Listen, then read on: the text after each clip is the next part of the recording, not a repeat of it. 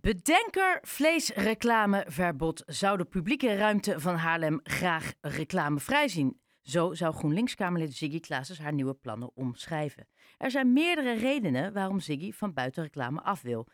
Uh, Ziggy praat ons zelf even bij uh, hoe, ze dat, uh, ja, hoe ze dat het liefst zou zien en wat de beweegredenen erachter zijn. Ziggy, goedenavond.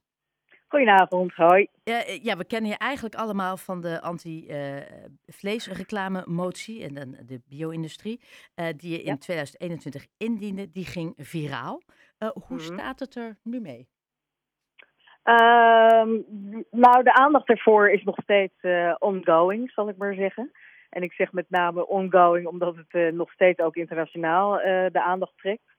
Ehm, en wat betreft de uitvoering van de motie daar is het college druk mee bezig om te kijken hoe ze het beste uitvoering kunnen geven aan de motie. Op een manier die dicht in de buurt komt van de bedoeling ervan. Ja. En jij dacht, uh, nu we toch bezig zijn, vooral doorpakken. nou, er is een. Uh, wat er gebeurt op het moment dat je zo'n motie indient, dan geef je een beetje generiek aan wat de bedoeling is. Uh, omdat Haarlem de eerste stad is die dit wilde, zitten er best wel wat haken en ogen aan die uitgezocht moeten worden. Hè? Wat is de begrenzing van de motie? Wat voor vlees gaat het precies over? En, nou, dus, uh, en er liggen natuurlijk altijd ook nog rechtszaken op de loer. Want omdat je de eerste bent, uh, ja, je creëert toch precedent. Dus ik denk dat er best wel bedrijven zijn die nauwlettend opletten hoe wij dat aanpakken. Uh, ik heb een aantal gesprekken gevoerd met mensen die er echt verstand van hebben.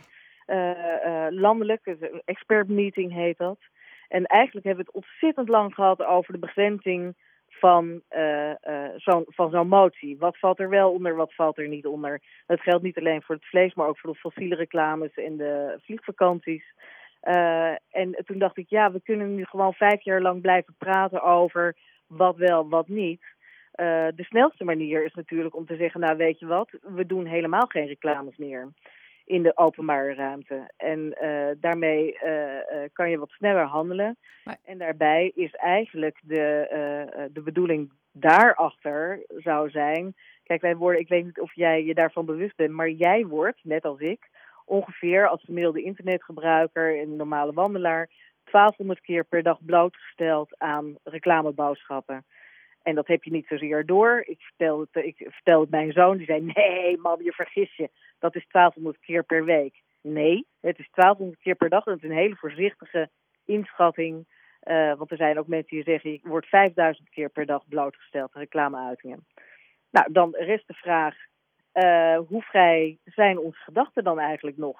Als wij de hele tijd worden uh, gemanipuleerd door reclameboodschappen die eigenlijk ons oproepen om nog meer te consumeren uh, ja, dan ben ik er niet van overtuigd dat wij daar zelf nog over gaan. Maar ja, nou, ik snap wat je zegt, maar in hoeverre kan je die uh, verantwoordelijkheid volledig bij, de, bij een bedrijf of bij een merk leggen? En zijn wij als consument ook niet zo verantwoordelijk dat we denken, ja, nee, sorry, er is geen enkele reden waarom ik nu ineens uh, chips moet kopen, ik doe het niet. Maken we het, is het niet een beetje heel makkelijk om continu daaraan te schaven?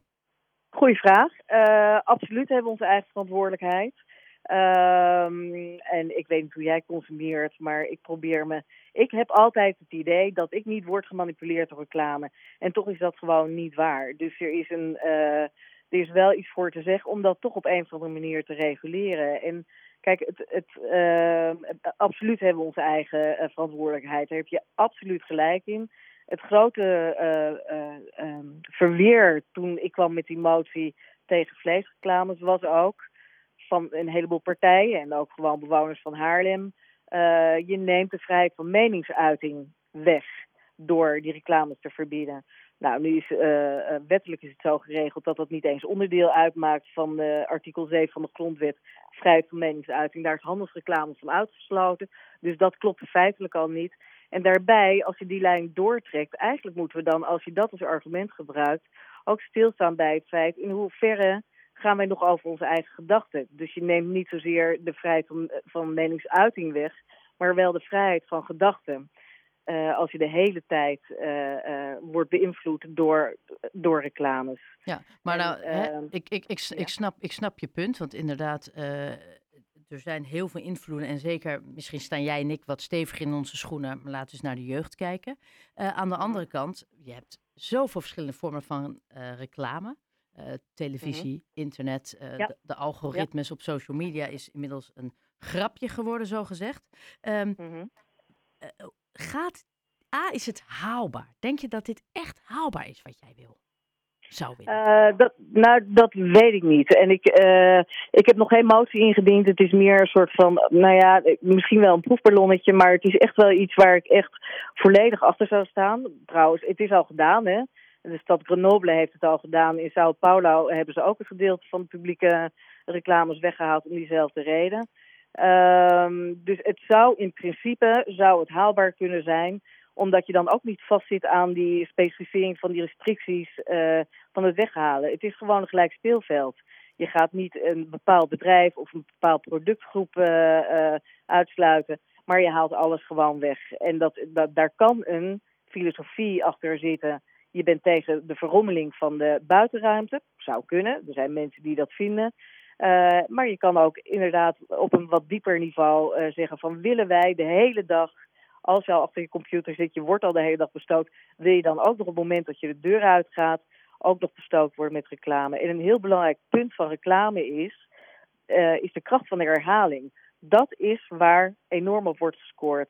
Dus je zit achter je computer, je ziet de reclame voorbij komen. Ik zit nu, mijn, telefoon, mijn televisie staat aan. Ik zie allerlei reclames van Albert Heijn langskomen. Dan zie je het nog een keer langskomen op je internet. Dan ga je naar buiten en dan zie je het nog een keer langskomen op de billboards uh, uh, op straat.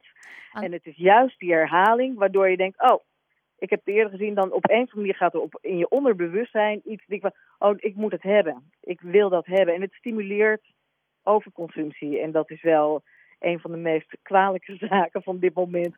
Als we die klimaatopwarming een beetje tegen willen gaan. Ja, en aan de andere kant, stel jouw plan gaat er doorheen. Ik, kan me echt best wel voorstellen dat er een aantal politieke partijen hier positief tegenover staan. Zou dat financieel nog gevolgen kunnen hebben of negatieve gevolgen kunnen hebben voor de gemeente? Ja, uiteraard. Uh, het moet echt een hele bewuste keuze zijn. Dit, zoiets doe je niet zomaar. En al die, uh, uh, al dat soort dingen moet nog uitgezocht worden. Ik heb dit eergisteren geroepen tijdens een webinar, een internationaal webinar, wat ging over die vleesreclames. Uh, dat het een optie zou kunnen zijn om dat eens te onderzoeken. Wat kost dat nou precies als we dat niet langer willen? En als we dat niet langer willen, zou het dan gefaseerd kunnen uh, Of doen we dat in één keer? En nou ja, nogmaals, wat kost het? En hoe gaan we dat uh, opvangen? Waar halen we dat geld vandaan? En dat zijn allemaal zaken die moeten absoluut onderzocht worden. Um, dus zover zijn we nog lang niet. Uh, nou, zolang, zover zijn we nog lang niet. En ik ga niet weer hele filosofie herhalen. Nee, nee, maar, maar uh, nogmaals, het is iets wat, wat speelt. Het, het, het, uh-huh. Jouw filosofie past wel goed in, in, in de zaken die nu spelen. Niet alleen in Haarlem, uh-huh. maar landelijk natuurlijk ook. -huh. Um, ga jij die motie in de, indienen en verwacht jij dat je inderdaad partijen kan overtuigen of meenemen in jouw filosofie? Ja, dat is altijd spannend, hè, politiek. zeker. Uh, je weet het nooit helemaal zeker.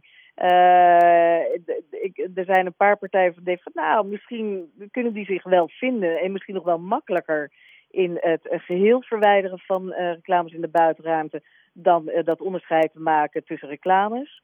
Dus dat, dat zou kunnen. Ik kan me wel voorstellen dat er een paar partijen zijn die op die manier denken. het wordt een hele uitdaging, denk ik, om eens te kijken of er überhaupt steun voor is Misschien ben ik te vroeg, hè? dat kan ook. En niet om nou te zeggen, ik ben een uh, soort van Nostradamus en ik weet wat er gaat gebeuren. Maar ik denk dat het niet anders kan dat op termijn deze discussie ook in andere steden gevoerd zal worden.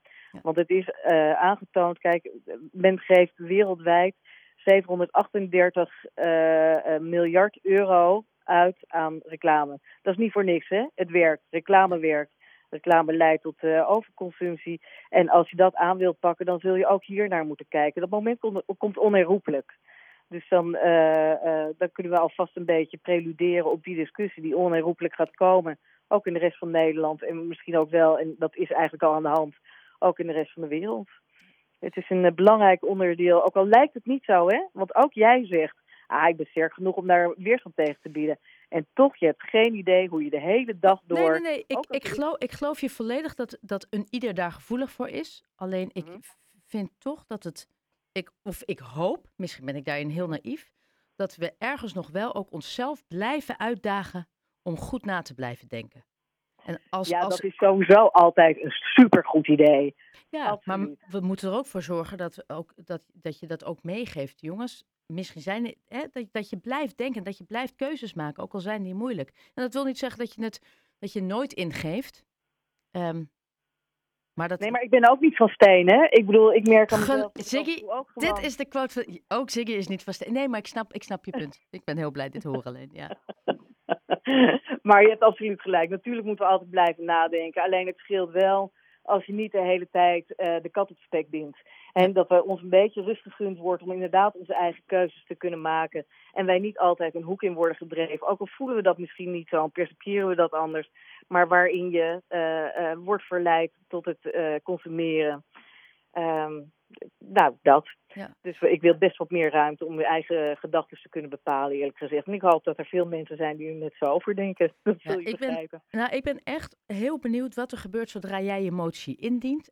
Allereerst gaat het weer viraal en vooral hoe gaan de verschillende politieke partijen uh, reageren hierop. Dus hou me alsjeblieft op de hoogte. Dat ga ik zeker doen. En voor alle duidelijkheid, ik dien geen moties in zodat ze viraal gaan. Hè? Het is dus nee, echt wel een gedachte achter. Nee, dat, ik, maar, zie dat niet als verwijt hoor. Maar nee, ik vind dat, nee, maar dat wil zeggen, ik vond het vorige keer, kennelijk heb jij een snaar geraakt. Ja. En dat, natuurlijk, ik hoop altijd dat mensen niet dingen doen om, uh, hè, voor, voor de kliks, zo gezegd. Maar ik vind het wel mooi om te zien dat een idee wat start in, uh, ergens in Haarlem, eindigt bij The Guardian in Engeland. Ik vind dat mooi. Nou, daar is hij niet geëindigd. Maar ik snap je gedachten en daar was ik natuurlijk uiteindelijk ook wel blij mee. Ook al was het nooit mijn idee en nooit mijn bedoeling. En was ik ook niet op de hoogte van het feit dat ik de eerste was die deze stap had genomen. Ja. Mijn ideeën komen altijd wel, worden wel intrinsiek uh, gevoeld, zeg maar. Het is nooit voor de bühne.